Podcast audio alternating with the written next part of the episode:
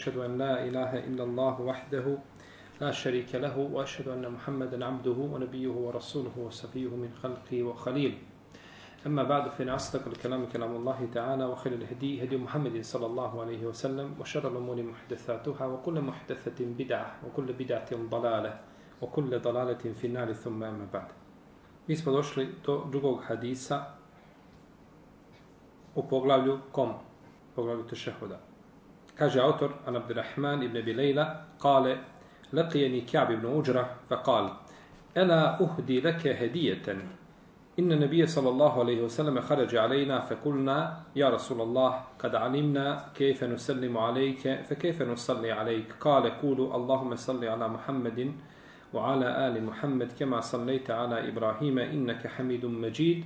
وبارك على محمد وعلى آل محمد كما باركت على إبراهيم إنك حميد مجيد Kaže autor ovdje od Abdurrahmana ibn Abi Lejle, sreo me Kjab ibn Uđra, pa mi je rekao, hoćeš li da ti poklonim hediju? Došao je jedne prilike poslanik, sallallahu sallam, kod nas, pa smo mu kazali, Allahu poslaniće, znamo kako ćemo te pozdraviti, a kako da donesemo salavat na tebe? Pa je rekao, recite, Allahume salli ala Muhammedin, i spomenuo, jeli salavate, a, salavat Ibrahimije, jeli, a, koji se uče u namazu. Ovaj hadis spomenuti u pogledu tešehuda zato što se šta? Salavati uče na tešehudu. Iz tog razloga jeli, je spomenuo autor ove salavate u ovom poglavlju.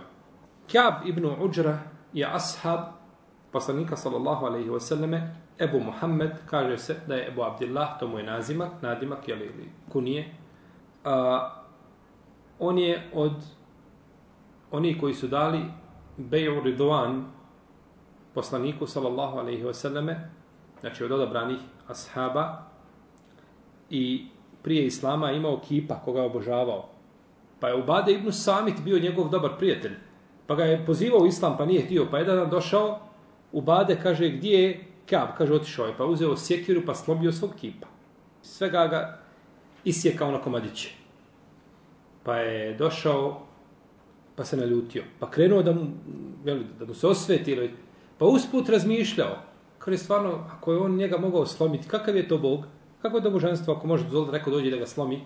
Pa je nakon toga primio islam, radi Allahu anhu.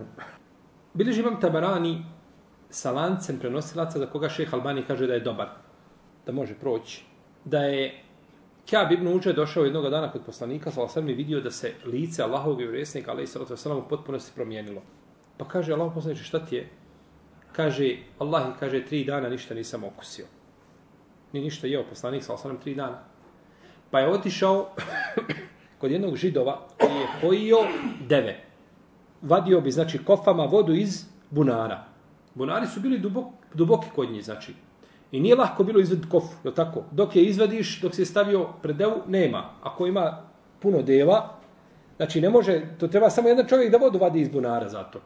Pa sam, kaže, vadio mu za svaku kofu po datulu. Jeftina radna snaga, je tako? Za kofu jednu vadiš za datulu. Pa sam navadio, kaže, nekoliko kofa za datula, pa sam donio poslaniku, sa osanem, pa mu dao to. Pa mu kaže, o, Keab, voliš li me? Kaže, volim Allahu poslaniče. Drži se mi od oca i od majke. Kaže, o Keab, onaj ko mene voli, siromaštvo, ide k njemu.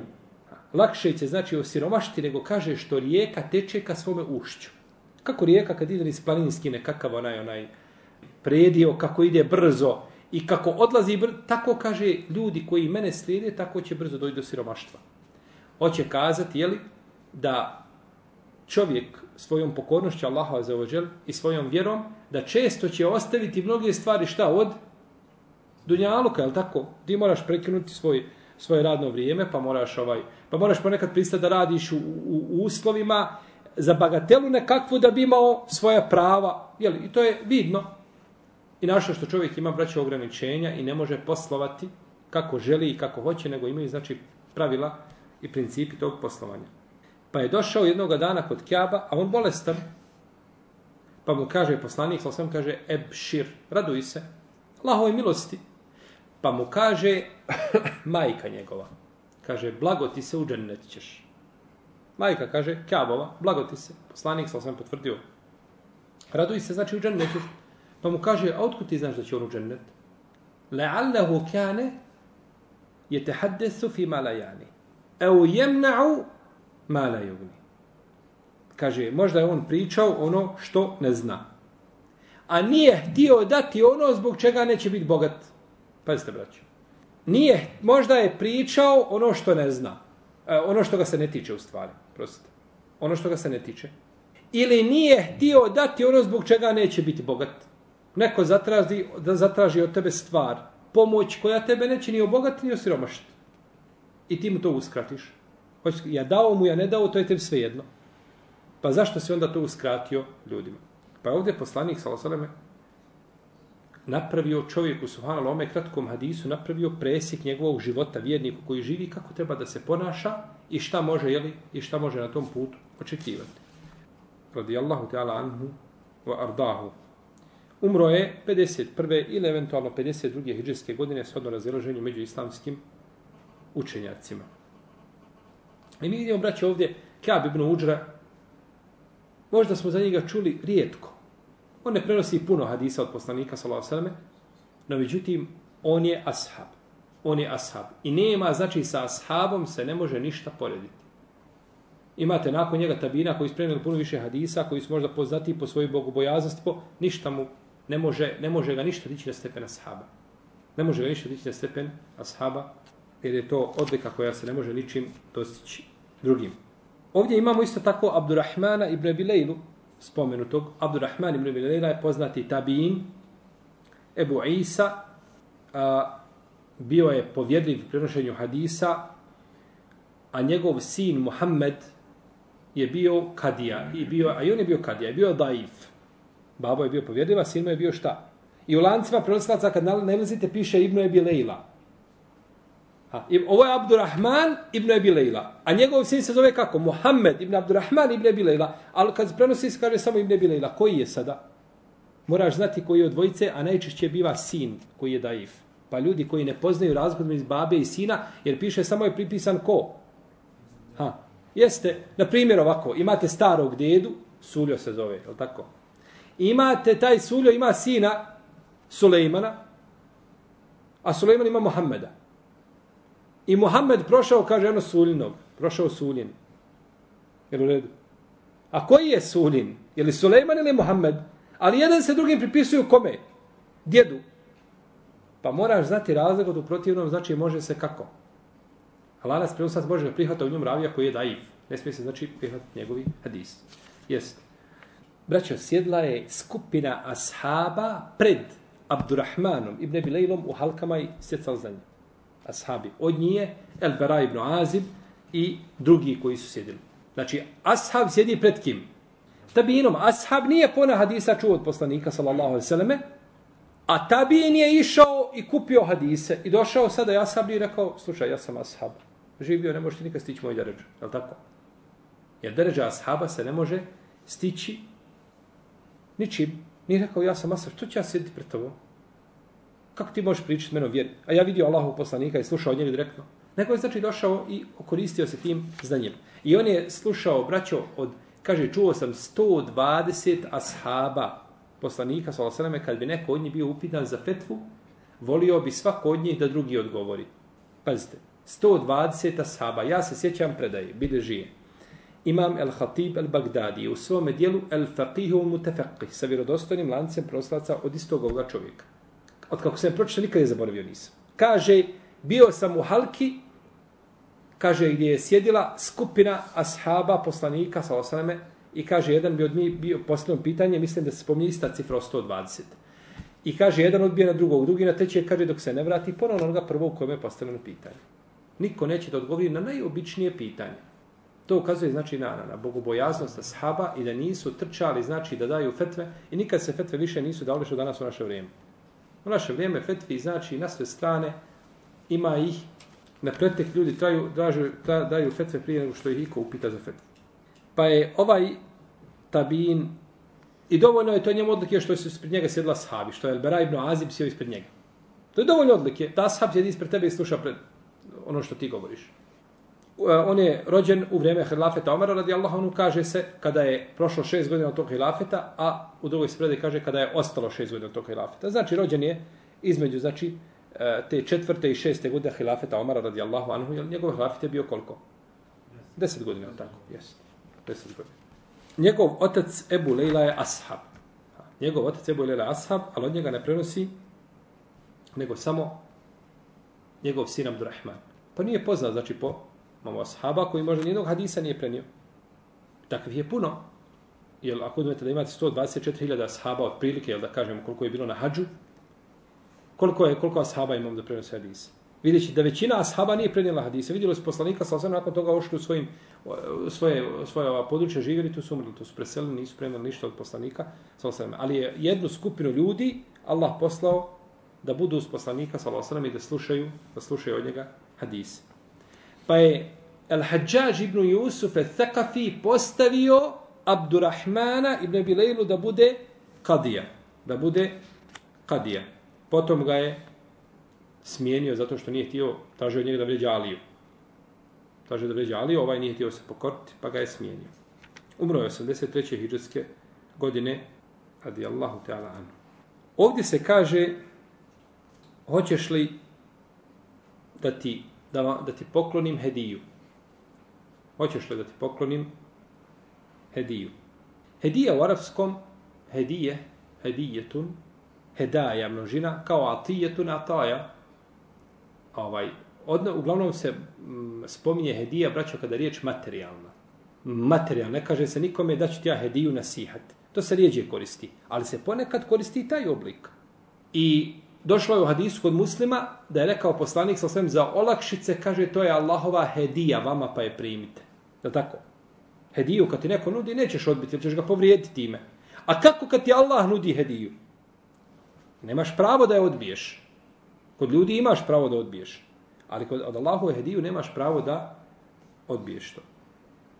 Ovdje kaže Ibn Ebi Lejla, a, a, kaže Kjab Ibn Uđe, hoćeš li da ti ponudim hediju. Pa je odmah počeo govoriti. Pa ovdje ima u hadisu jedan dio koji je izostavljen. A koji je to dio? Da je ovaj rekao, hoću, daj mi hediju. Jer on njegov pitao, hoćeš hediju? I ovaj šuti. Pa rekao, hoću hediju. Ali to hoću hediju nije spomenuto zašto? Zato što se to spodrazumijeva. Pa ponekad, znači, ravije skrate to da bi što hadis bio kraći, a izostavilo se ono, znači, što se jeli spodrazumijeva, i čije izostavljanje neće promijeniti značenje. A, ovdje kaže pa smo rekli. A, rekli smo Allahov poslaniče. Ko kaže?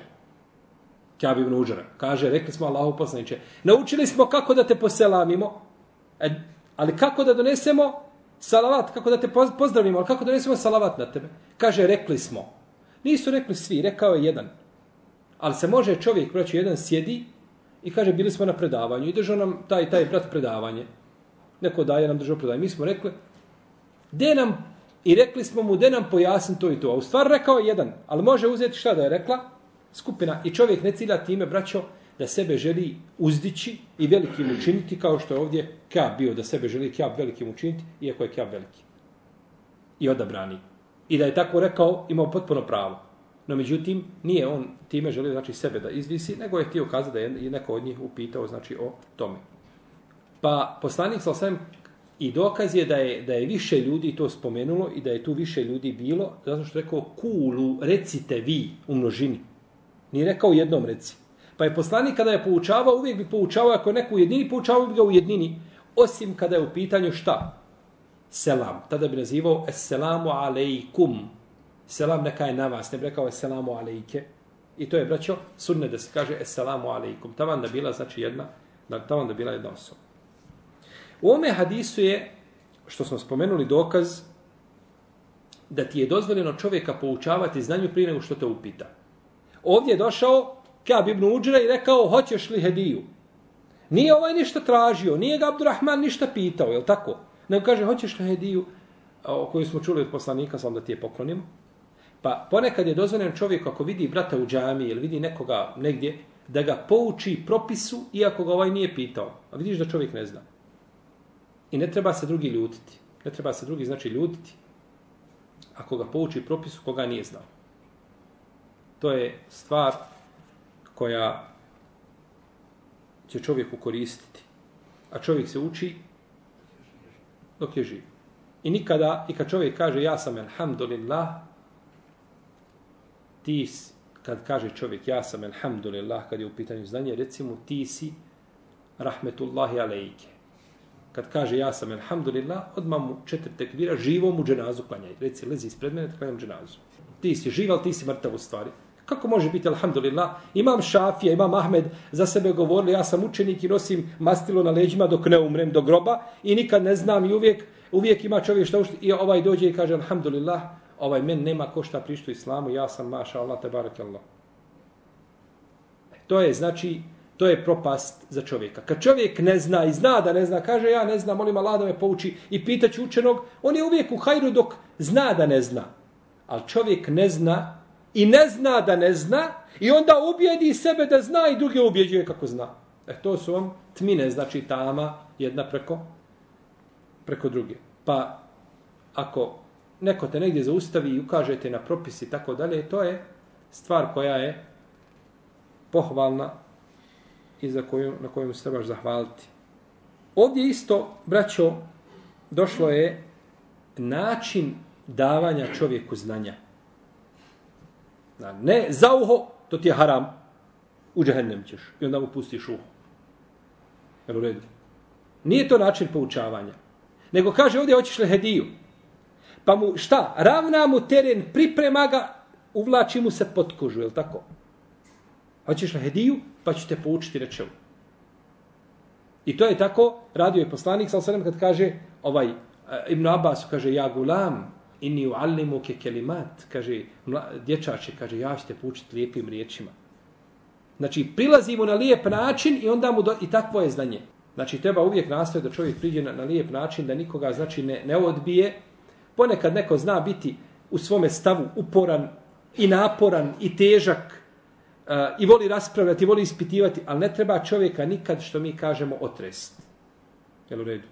jer na takav način si ga odbio. Treba mu lijepo pojasniti, pa ako želi da prihvati, ako ne želi, ti su radi ono što se traži, što se traži od tebe. Naravno, čovjek jel, ne može uvijek osaburati. Ponekad insan ovaj tomu ovaj dosadi, ali je osnova znači da bude blag kada je u pitanju prenošenje znanja i da prilazi znači na ovako lijep način. Ovdje isto imamo dokaz da znanje biva stepen po stepen daješ čovjeku stepen oniliko koliko može uzimati. Možda ponekad čovjeka utušiš sa puno e, sa teškim e, ovaj tematikama, sa puno informacija ili mu počneš pričati od pozada.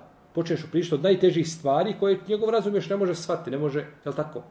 Dok je čovjek ušao u islam, odmah si mu počeo, znači ušao si najteža pitanja da mu objašnjava što čovjek ne može razumjeti. Ovdje u hadisu je došla postepenost. Ko će mi kazati gdje je ta postepenost? Da ne bi dokazivali hadisom, a hadis ne ukazuje na to. Molim? Saboru. Lijepo. Saboru. A? Gdje je postepenost u hadisu? Kaže Allahov poslaniće, mi smo naučili kako da te pozdravimo, pa de nas pouči kako da donesemo sa salavat. Ha, ide prvo jedno po jedno, je tako? Po redu se znači ide. Kaže, mi smo naučili kako, pa ih je onda poučio kako da ne, nije znači sve na kameru jedan put istresao, nego poučavao ih, znači, sallallahu alaihi wa postepeno. Ovdje se kaže salavat uh, ili, ili uh, ovaj salavat uh, na, na poslanika, sallallahu alaihi ve selleme salavat Allahov na poslanika, sallallahu alaihi ve selleme pohvala njemu. Je pohvala poslaniku, sallallahu alaihi ve selleme pred melekima po jednom mišljenju. Po drugom, da je to rahmet i milost Po trećem, da je rahmet kad nisu u pitanju poslanici. Ako su poslanici, onda je to vrhunač počasti i kulminacija, znači počasti poslaniku. I kaže se da je to blagoslov u drugim, ali uglavnom sve se to saspa u isti kalup. Sve se saspa na, znači, u jedan, u jedan kalup. Ovdje se kaže u ala ali Muhammed i na Muhammedovu porodicu. U Lema se razilazi šta je to Muhammedova porodica i ko se ovdje cilja sa Muhammedovom porodicom. Poznato je kod imama Šafije da je to Benu Hašim i Benu Abdul Muttalib. Da su oni, znači, da je to porodica i ovdje se misli znači na, na alul bejt. Dok neki kažu da je ovdje, misli se na porodicu, na cijeli ummet. Da se misli na porodicu, šta na cijeli ummet. I šehol sam im te je spomenuo ova dva mišljenja i kaže da je jedno mišljenje Šafije i Ahmeda da se misli na porodicu, na one na kojima je zabranjeno da prime sadaku. A to su ehlul bejt, oni ne smiju šta primati? Sadaku. Vi znate kada je stavio Husein u svoja usta datulu, da je poslanik izvadio i kaže, keh, keh, vati tu, miči to iz usta, znaš da nam je zabranjena sadaka. Znaš da nam je zabranjena sadaka. Pa nije jeo, sallallahu srme, sadaku. A, imamo mišljenje da je da je to znači cijeli njegov ummet. Imamo hadis koji kaže da je poslanik upitan ko je to alu Muhammed, da je rekao kullu mu'minin taqi, svaki mu'min vjernik, ali taj hadis batil, neispravan. Bileži ga Ibn Adis, bileži ga drugi, Ibn Hajar je ovaj taj hadis ocjenio slabim i došlo je kao riječ Džabira, ali to je opet slabo kod Bejheka i Ošubu Limanu i došlo je, kaže Ibn Taymi u svojim fetvama da je on hadis batilun la asla lehu, hadis nema osnove, nema, nema jakog, nema lanca prenosilaca na koji bi se mogli znači osloniti. Tako da je ovaj hadis, znači, neispravan kada je u pitanju, jeli, a, definicija što je to Alu Muhammed, ali poznato je kod jednog djela učenja kada je to cijeli ummet. Pa bi čovjek ovom dovom braću dovio cijelom ummetu. I zato vam je poznato sada što je Ulema govorila da onaj ko ostavi namaz da je Mm, e, zločinac u pogledu svi ljudi, svima je nepravdu činio zato što im dovio ovom dovom. I ne kaže za šehudu, assalamu alejna wa ala ibadillahi salihin. Neka je salam na nas i na sve dobre Allahove jeli, robove. Ovdje je došla naredba, recite, pa naredba povlači za sobom obavezu, recite. Pa je ulema složna da je salavat na poslanika vađib obavezan, samo se razilaze oko tog vuđuba ili tog načina obaveze, koliko puta i kako. Pa kaže jedan dio učenjaka da je to obaveza jedan put u životu kao šehadet. Je u redu? To je stav većine u Leme, da mora čovjek jedan put kazati šta? Salavat na poslaniku u životu kao šehadet. Jer kada bi čovjek cijeli život vjerovao srcem i radio shodno islamu, a nikada nije rekao ešhedu en la ilaha illa Allah wa ešhedu enne Muhammeden abduhu wa rasuluhu, ne, jer bi, bi mu koristio njegov iman. Molim? Ne bi.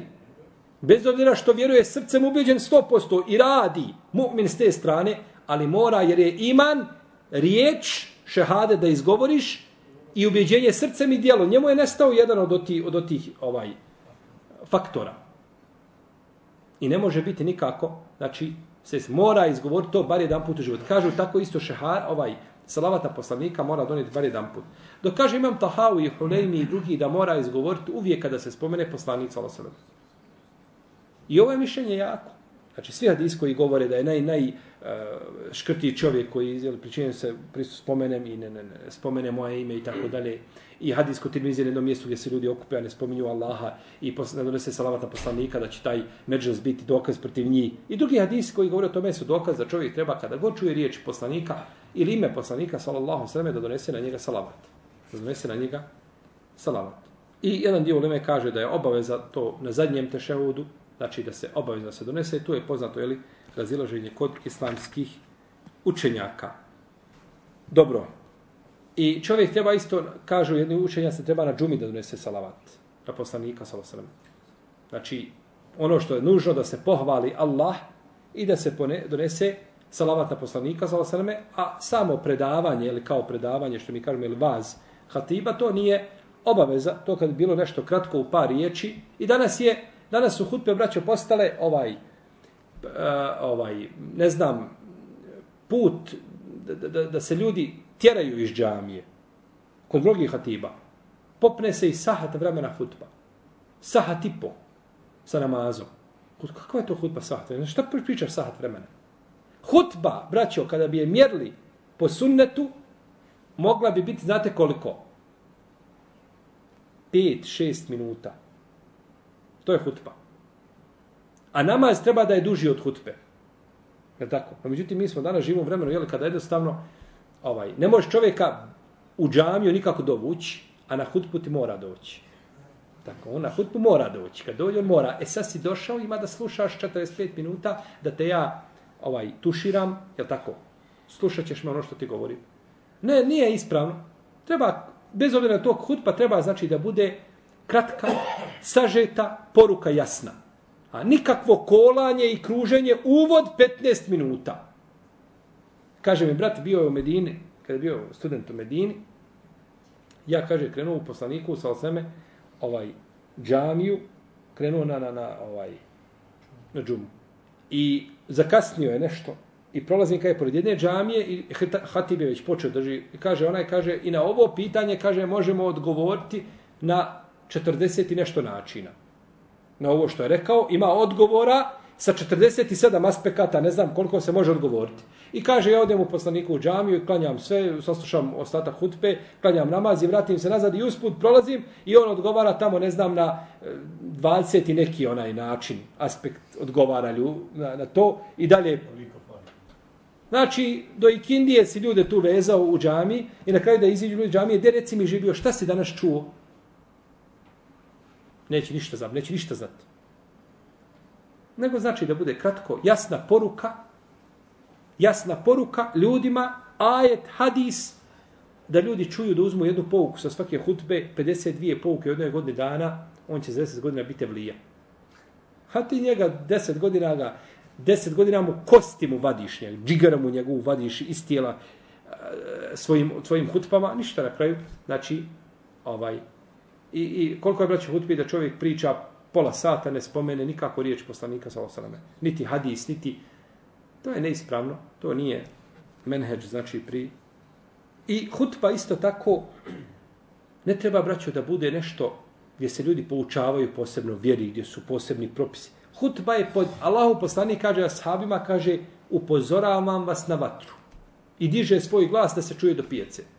Allahu poslanik, što ćeš ti upozorati Abu Bekra i Omara i Osmana i Aliju i, i Talhu i Zubera? Što ćeš ti upozorati? Ljudi znaju šta je vatra i džahenem i uslušaju islam da se spale, spase vatra. Imaš Allahu poslanik nešto drugo da im daš? Ne. Hutba je da se ljudi podsjete rekajk, da mu se srce malo raznježi, da sposti na Allaha. I samo to. A nije znači mjesto gdje se ovaj politički pretresaju. Ne smeta jedan politički događaj da se sagleda sa aspekta šir. Nije ni to problem. Ali da se uzme, znači, ovaj mimber je i mjesto odakle se ljudi pozivaju na glasanje, odakle se ljudi pozivaju, ne znam, i u, i u partije, odakle se ljudi pozivaju i, i, i, na, i sve, znači, moguće se sa mimbera radi. A poslanik sa osam kaže u Adisu, pa kada dođu, kada se popne imam na mimber, zatvore meleki svoje suhufe, jeste mi'une zikr, slušaju zikr, opomenu. A ti njega tuširaš sa političkim događajima u Južnoj Americi, što se desilo. A to opomena, uzvišen je Allah kaže u Kur'an šta kaže? Ja i u eledina amru, i da nudi ali salati mi je umin džumuati fesau ila zikrillah. Kad budete pozvani, idite na zikrullah. Pa to je džuma, to je tematika znači džume. A nije ono što se danas radi ovaj u mnogim džamija. Yes. Dobro. Je li ovdje u ome hadisu došlo da se ovi salavati govore u, u namazu? Spominje se gdje namaz? Ne spominje se gdje namaz. Kaže Allah poslije, naučili smo kako da te poselamimo, da je kako da nesmo salavat na tebe. Kaže, recite Allahume salli ala Muhammedinu ala Muhammedinu, kema sallita ala Ibrahim. Nije spomenuo nigdje čega. Nema namaza. Pa predaja, znači, nije precizirala, pa zato čovjek kada donosi salavat da kaže neko, i kaže Rasulullah, ti kaže Allahumma salli ala Muhammedin wa ala Muhammed kema sallaita ala Ibrahim ala Ibrahim innek hamidu, wa barik ala Muhammedinu ala Muhammed. To je salavat, najpotpuniji salavat, kad donio nema smetje, to je jedan od salavata. Ali ovaj ovdje znači nije spomenuto šta? Nije spomenut namaz.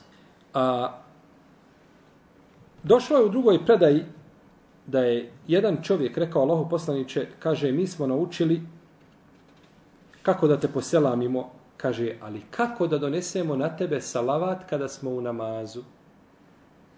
Pa mu kaže recite Allahume sallam. Ima sad namaz? E sad ima namaz. I ovo je došlo kod Hakima u njegovom ustedre koji kod Ibnu Hibana u njegovom sahihu sa dobrim lancem prenosilaca i Hakim ovu predaju cijenje vjerodostojnom. Ima kod muslima ista ta predaja, ali nema spomena namaza. Ista predaja ovakva, ali nema spomena čega? Namaza. No međutim, došla je vjerodostojnim putevima kod hakima. Pa ovo nam samo ukazuje koliko nam je, braće, bitno da sakupljamo ono što smo govorili više puta, hadise koji govore o jednoj tematici, šta na isto. Ovo, nisu, ovo je jedan hadis isti, samo su različiti putevi. I pogledaj koliko je bitno da ga sakupi. Pa šta mislim da o sakupljanju različitih hadisa u određenom pitanju? To je još preče, jel tako? Ako jedan hadis sa više puta sa... I zato je naša neka ulema govorila, čovjek neće razumjeti hadis dok ga ne sakupi sa stotinu različitih puteva. A mi s jednog puta ga čuli i pogrešno ga razumjeli i onda osnovu toga sudimo. Ne, ne može tako. Nego mora čovjek, znači, uzeti sve te rivajete koji su došli i sakupiti ih na jedno mjesto. Došlo je u hadisu Fadale ibn Ubejda da je poslanik sa osanove vidio čovjeka koji je klanjao pa je požurio požurio je a, nije zahvalio Allahu i nije donio salavat na poslanika pa je rekao ađele hada, požurio je ovaj. Kaže kada neko od vas kada klanja neka počne sa zahvalom Allahu azza wa i neka donese salavat na mene potom neka dovi čime želi. Potom neka dovi šta čime želi. Pa ne treba čovjek da ostavi znači salavat na poslanika sallallahu alejhi nikako u namazu. Ovdje je došao salavat na poslanika u jednoj u jednom znači ovome u i došlo je isto tako blagoslov za njegovu porodicu za njegove potomke se kaže ovo Ali Muhammed njegova porodica, je tako? To su najpriči su njegovi potomci. No, međutim, salavat na njegove potomke nije obaveza kao što je obaveza na njega. Pa može, braći, jedna stvar biti spomenuta u istom kontekstu, stvari više stvari je spomenuto u jednom kontekstu, da jedna bude sunneta, da druga bude šta? Vađib. Razumijete? Znači, dođe u jednom hadisu, poslanik naredio 1, 2, 3, 4, 5, I neke su stvari šta vađiva, druge može li biti tako? Može. Zato što jedna, za jednu stvar imamo dokaz da je tu naredu uspustilo, a za drugu šta? Ne imamo, pa ona ostaje na svojoj... Jel u redu? Znači dođe jednom kao što je hadis koji govori šta o čemu? O, o fitri. Deset stvari od fitre. Jesu li sve vađib? A između toga je spomenuto, na primjer, puštanje brade. A puštanje brade je vađib. Obaveza. Pa ne mora, znači, znaš sve što je spomenuto, da mora biti šta? Odmah u istom momentu, iako je došlo u jednom kontekstu. Iako je došlo u jednom kontekstu. Svaka stvar u šarijetu, svaki tekst, svaka riječ koja je naređena da njome obožavamo Allaha u smislu jeli da na određenom mjestu se zgovore na određeni način, ne možemo je drugačije izgovarati nego tako kako je došlo. Kako su došli salavati, ne možemo mijenjati riječ namjesto riječi da kažemo drugu riječ koja će imati isto značenje, nemamo pravo. Moramo izgovoriti riječ kako jeste kao što izgovaramo Kur'an. Ne možeš ti mijenjati u Kur'anu kako želiš riječ za riječ ili slovo za slovo, osim ako je tako došlo šta? U kirajetima, je li tako? Kirajeti što postoji da učiš jedan, opet ne da miješaš kirajete, nego jedan da učiš, to je drugo. Tako je Kur'an isto objavljeno. Međutim, ovaj, eh, kada je u pitanje, kada su u pitanju propisi, ovi ovaj ovako i dove u namazu, tada mora čovjek učiti samo onako kao što je došlo. Ne da on da sedi od sebe i da izmišlja znači kako će dobiti. Osim tamo gdje nam je dozvoljeno da dovimo u namazu, do čega ćemo doći, o tome ćemo pričati u vremenu kada budemo govorili o tom pitanju.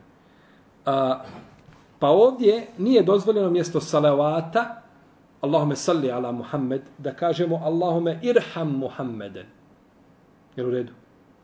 Jel, salavat, ovo je skazalo da je salavat, da je, da je to vid rahmeta. Da je blagoslovno. Međutim, ne smijemo doći sa riječju kojom?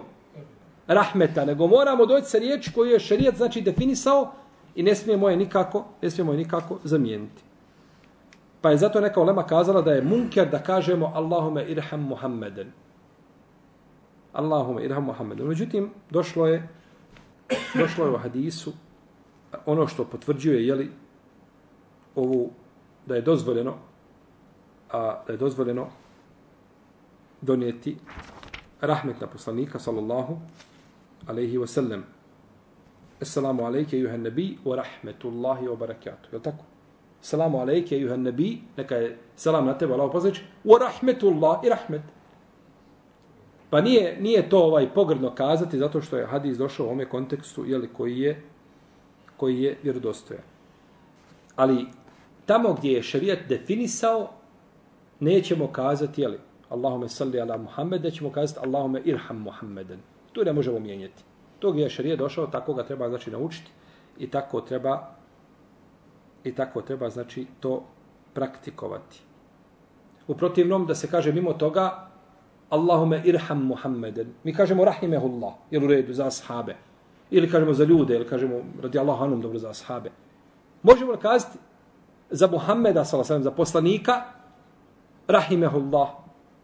Je to dozvoljeno? Vi znate kada je došao onaj pustinjak pa je uradio fiziološku potrebu džami, pa su ashabi na njega nasrnuli kaže Allahume irhamni wa Muhammeden wala terham mana ahaden. Kaže Allah, dragi, smiluj se meni Muhammedu, nemoj nikom ima nas.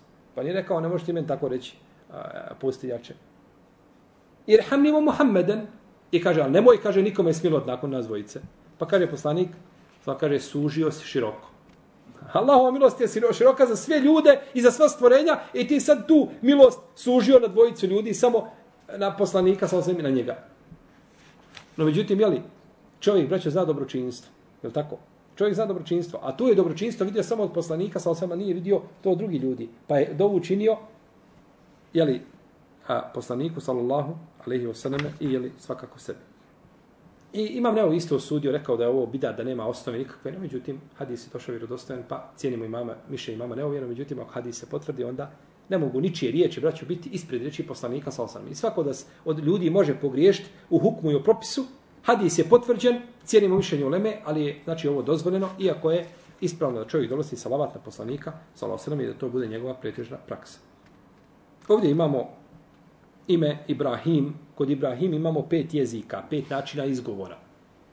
I u arapskom jeziku je poznato da braće u imenima koja imaju dužinu, a nisu arapskog porijekla da se elif briše, kao što je Ibrahim, Ismail, Israil. Te, ta imena koja su došla, imaju elif. Pa je kod nas došlo Smail. To je poznato u arapskom da se piše, da se kaže Ismail. Is, bis, nije Ismail, to je ispravno. Ismail, tako je u Kur'anu. Ismaila, o Ishaqa, o Jakuba, je li tako u redu? No, međutim, dozvoljeno je da imena koja su u arapskom došla sa elifom, a nisu arapskog porijekla, da im se briše ovaj elif, ako se ta imena, braćo, puno upotrebljavaju. A ako se malo upotrebljavaju, kao Harun, kao Haman i druge, onda se to ne smije brisati elif. To nije bitno, to spominjali, je li ovaj, u nama je to spominjala samo kao značenje. A imena, što tiče imena poslanika, samo četverica od tih imena nisu nearapska. Četiri su imena arapska. Muhammed, Salih, Šuaib i Adem. Ova četiri. A sve ostalo su arapska imena. O, nearapska imena. Nearapska imena. Znači nisu došla, jeli, kao, nego su strana imena, znači nema ih, nemaju svoja značenja originalno u arapskom jeziku. Ovaj hadis je poduži, pa ćemo ga, da vas ne umorim, staćemo ovdje, pa ćemo nastaviti inša Allah narednog puta da dovršimo ovo što je ostalo od ovoga hadisa. Allahu te alamu sallallahu ala nabina Muhammed wa ala alihi wa ashabihi ajma'in. Ako ima pitanja vezane za ovo što smo govorili, imamo toga, bojno. Kod nas je, a i u Bosni, smatra se da se tako ovaj, spominje, više, u, više nada, pejgamber. E, smeta to kad bi se, kad bi se ovaj, zgovarao pejgamber? Pejgamber dolazi iz Persije, iz Persijskog, ovaj, da jezika, da, da bi to smetalo, recimo, jer kod nas, kod nas je od velikog značaja kad se kaže pegamber Muhammeda i salam. Dobro. To su pisali. Ne poslanik, nego pegamber.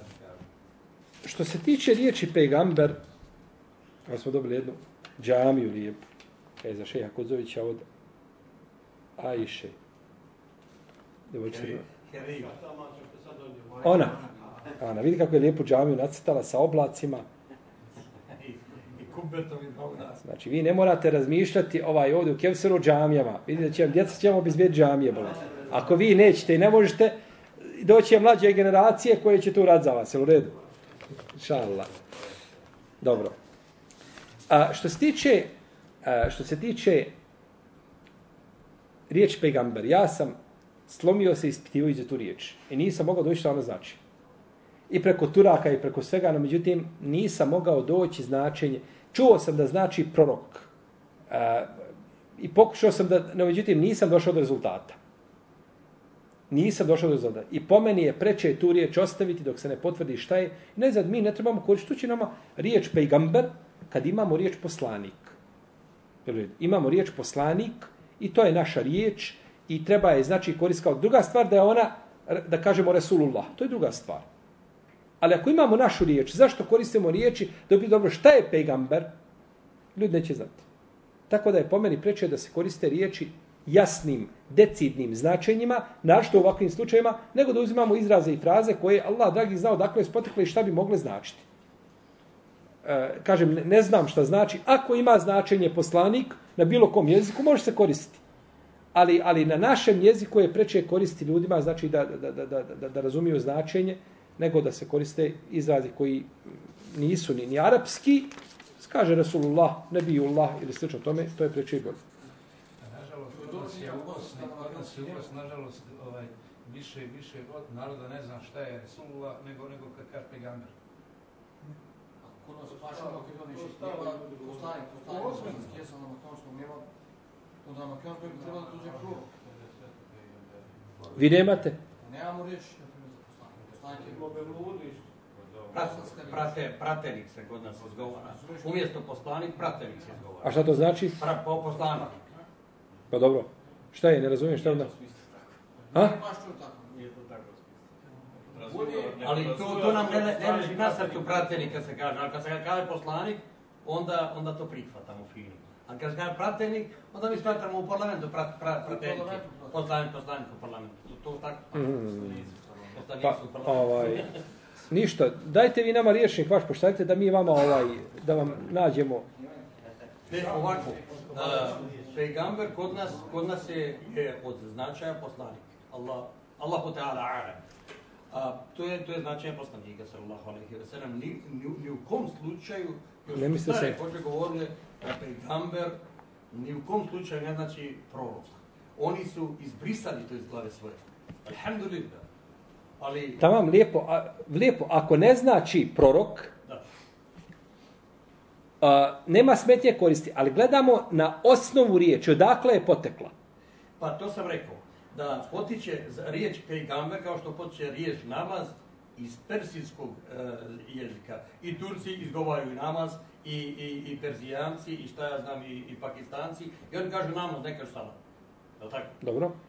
I od te riječi isto od, od jer pri, prisustvo Perzijanaca bilo je na tim prostorima kao što je u Bosni bilo i kao što je dan danas ih ima. I oni izgovaraju pejgamber. Na osnovu te riječi, oni, oni to, to, zapravo tu riječ prevode kao poslanik. Zato sam tamo. htio pitat, e, možda e, ti imaš neko, šta ja znam, Ja ne su, bolje, ja, ovaj, tamo lijepo. Ja ne sumnjam da je da ljudi koji koriste riječ pejgamber da misle na poslanika, da niko ne misli na proroka. Da, da. Ne sumnjam to. Ali ako je ta riječ u osnovi da ima to značenje, onda je preče da se izbjegne. Taman njima, njome ciljali šta? A ako je ta riječ došla iz perzije drugog jezika, ima značenje poslanstva, taj kontekst, onda nema smetnje koristiti ako su ljudi već navikli na nju, da, da, da se ne mijenja, znači da ne bi se zabuna stvar, nema smetnje koristiti to. Samo kada zato treba ispitati tačno dakle je potekla, pa eto ako neko bude uspio tamo malo da, da kopka po internetu, da progogla malo ovu riječ pegamber, neka je, ovaj, vidi šta kažu. Odgaže salamu alaikum, dragi brati, imam jedno pitanje za koje ne mogu naći odgovor, pa se nadam da mi vi možete pomoći. A glasi, za koji namaz je davno proučen ezan? Da vas Allah nagradi za vaš trud i rad. Amin. Ja nisam razumio pitanje. Za koji namaz je davno proučen ezan? Ne može da nađe odgovor, ne može ni pitanje. Nije možda kad, kad, kad je namaz, je rekao da to je kasno za, da je kasno. Molim?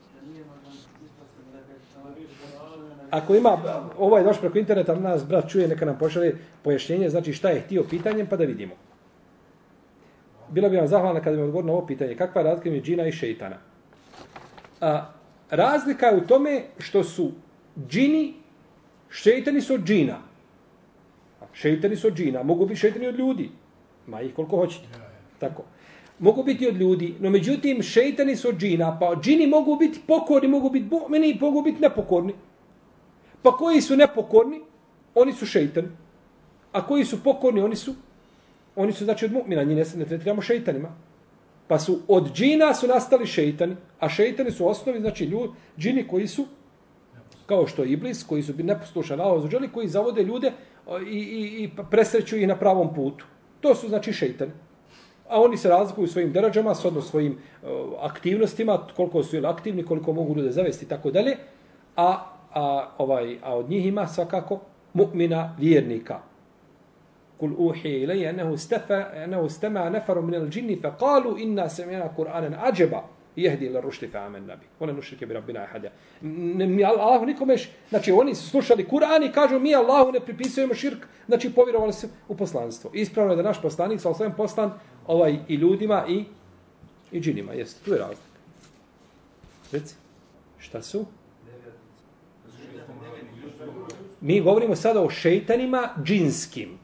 Imamo ljudske, imamo džinske. Ljudski možemo govoriti, naravno. Ljudski šeitan je svaki čovjek koji Allahu čini šir, koji Allaha ne vjeruje, koji sprečava od Allahovog puta, svakako. No, međutim, mi govorimo ovdje razlika između, kakva razlika između džina i šeitana.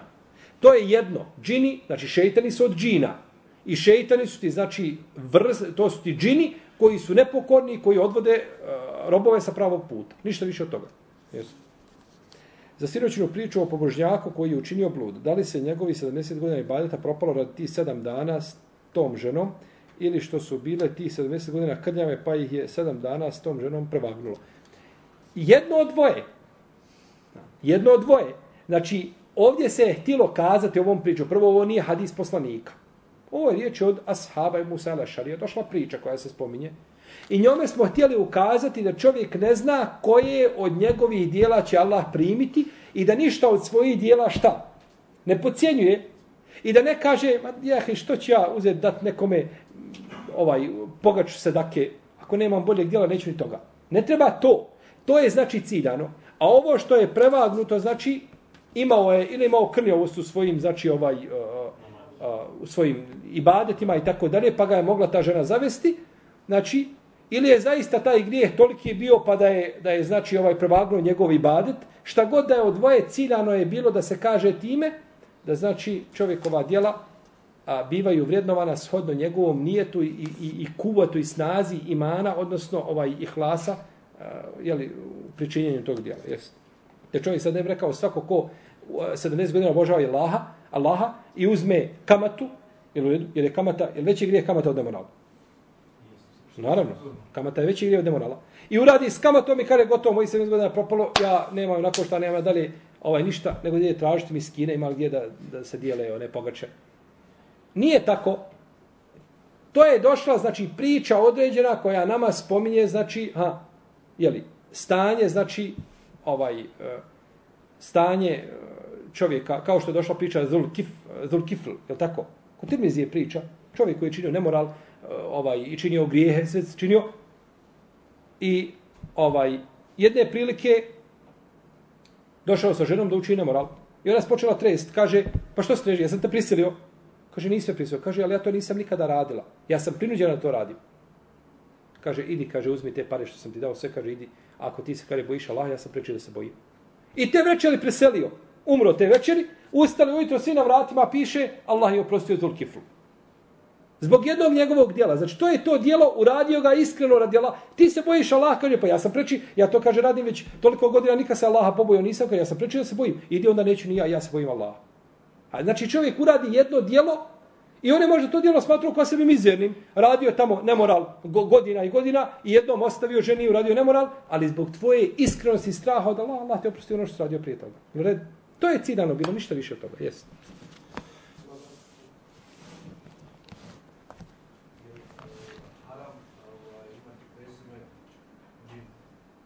Je li haram imati prezime džin? Harisu Džinoviću nije. Harisu Džinoviću nije, jer on je, on je Haris Džinović. Je li u redu?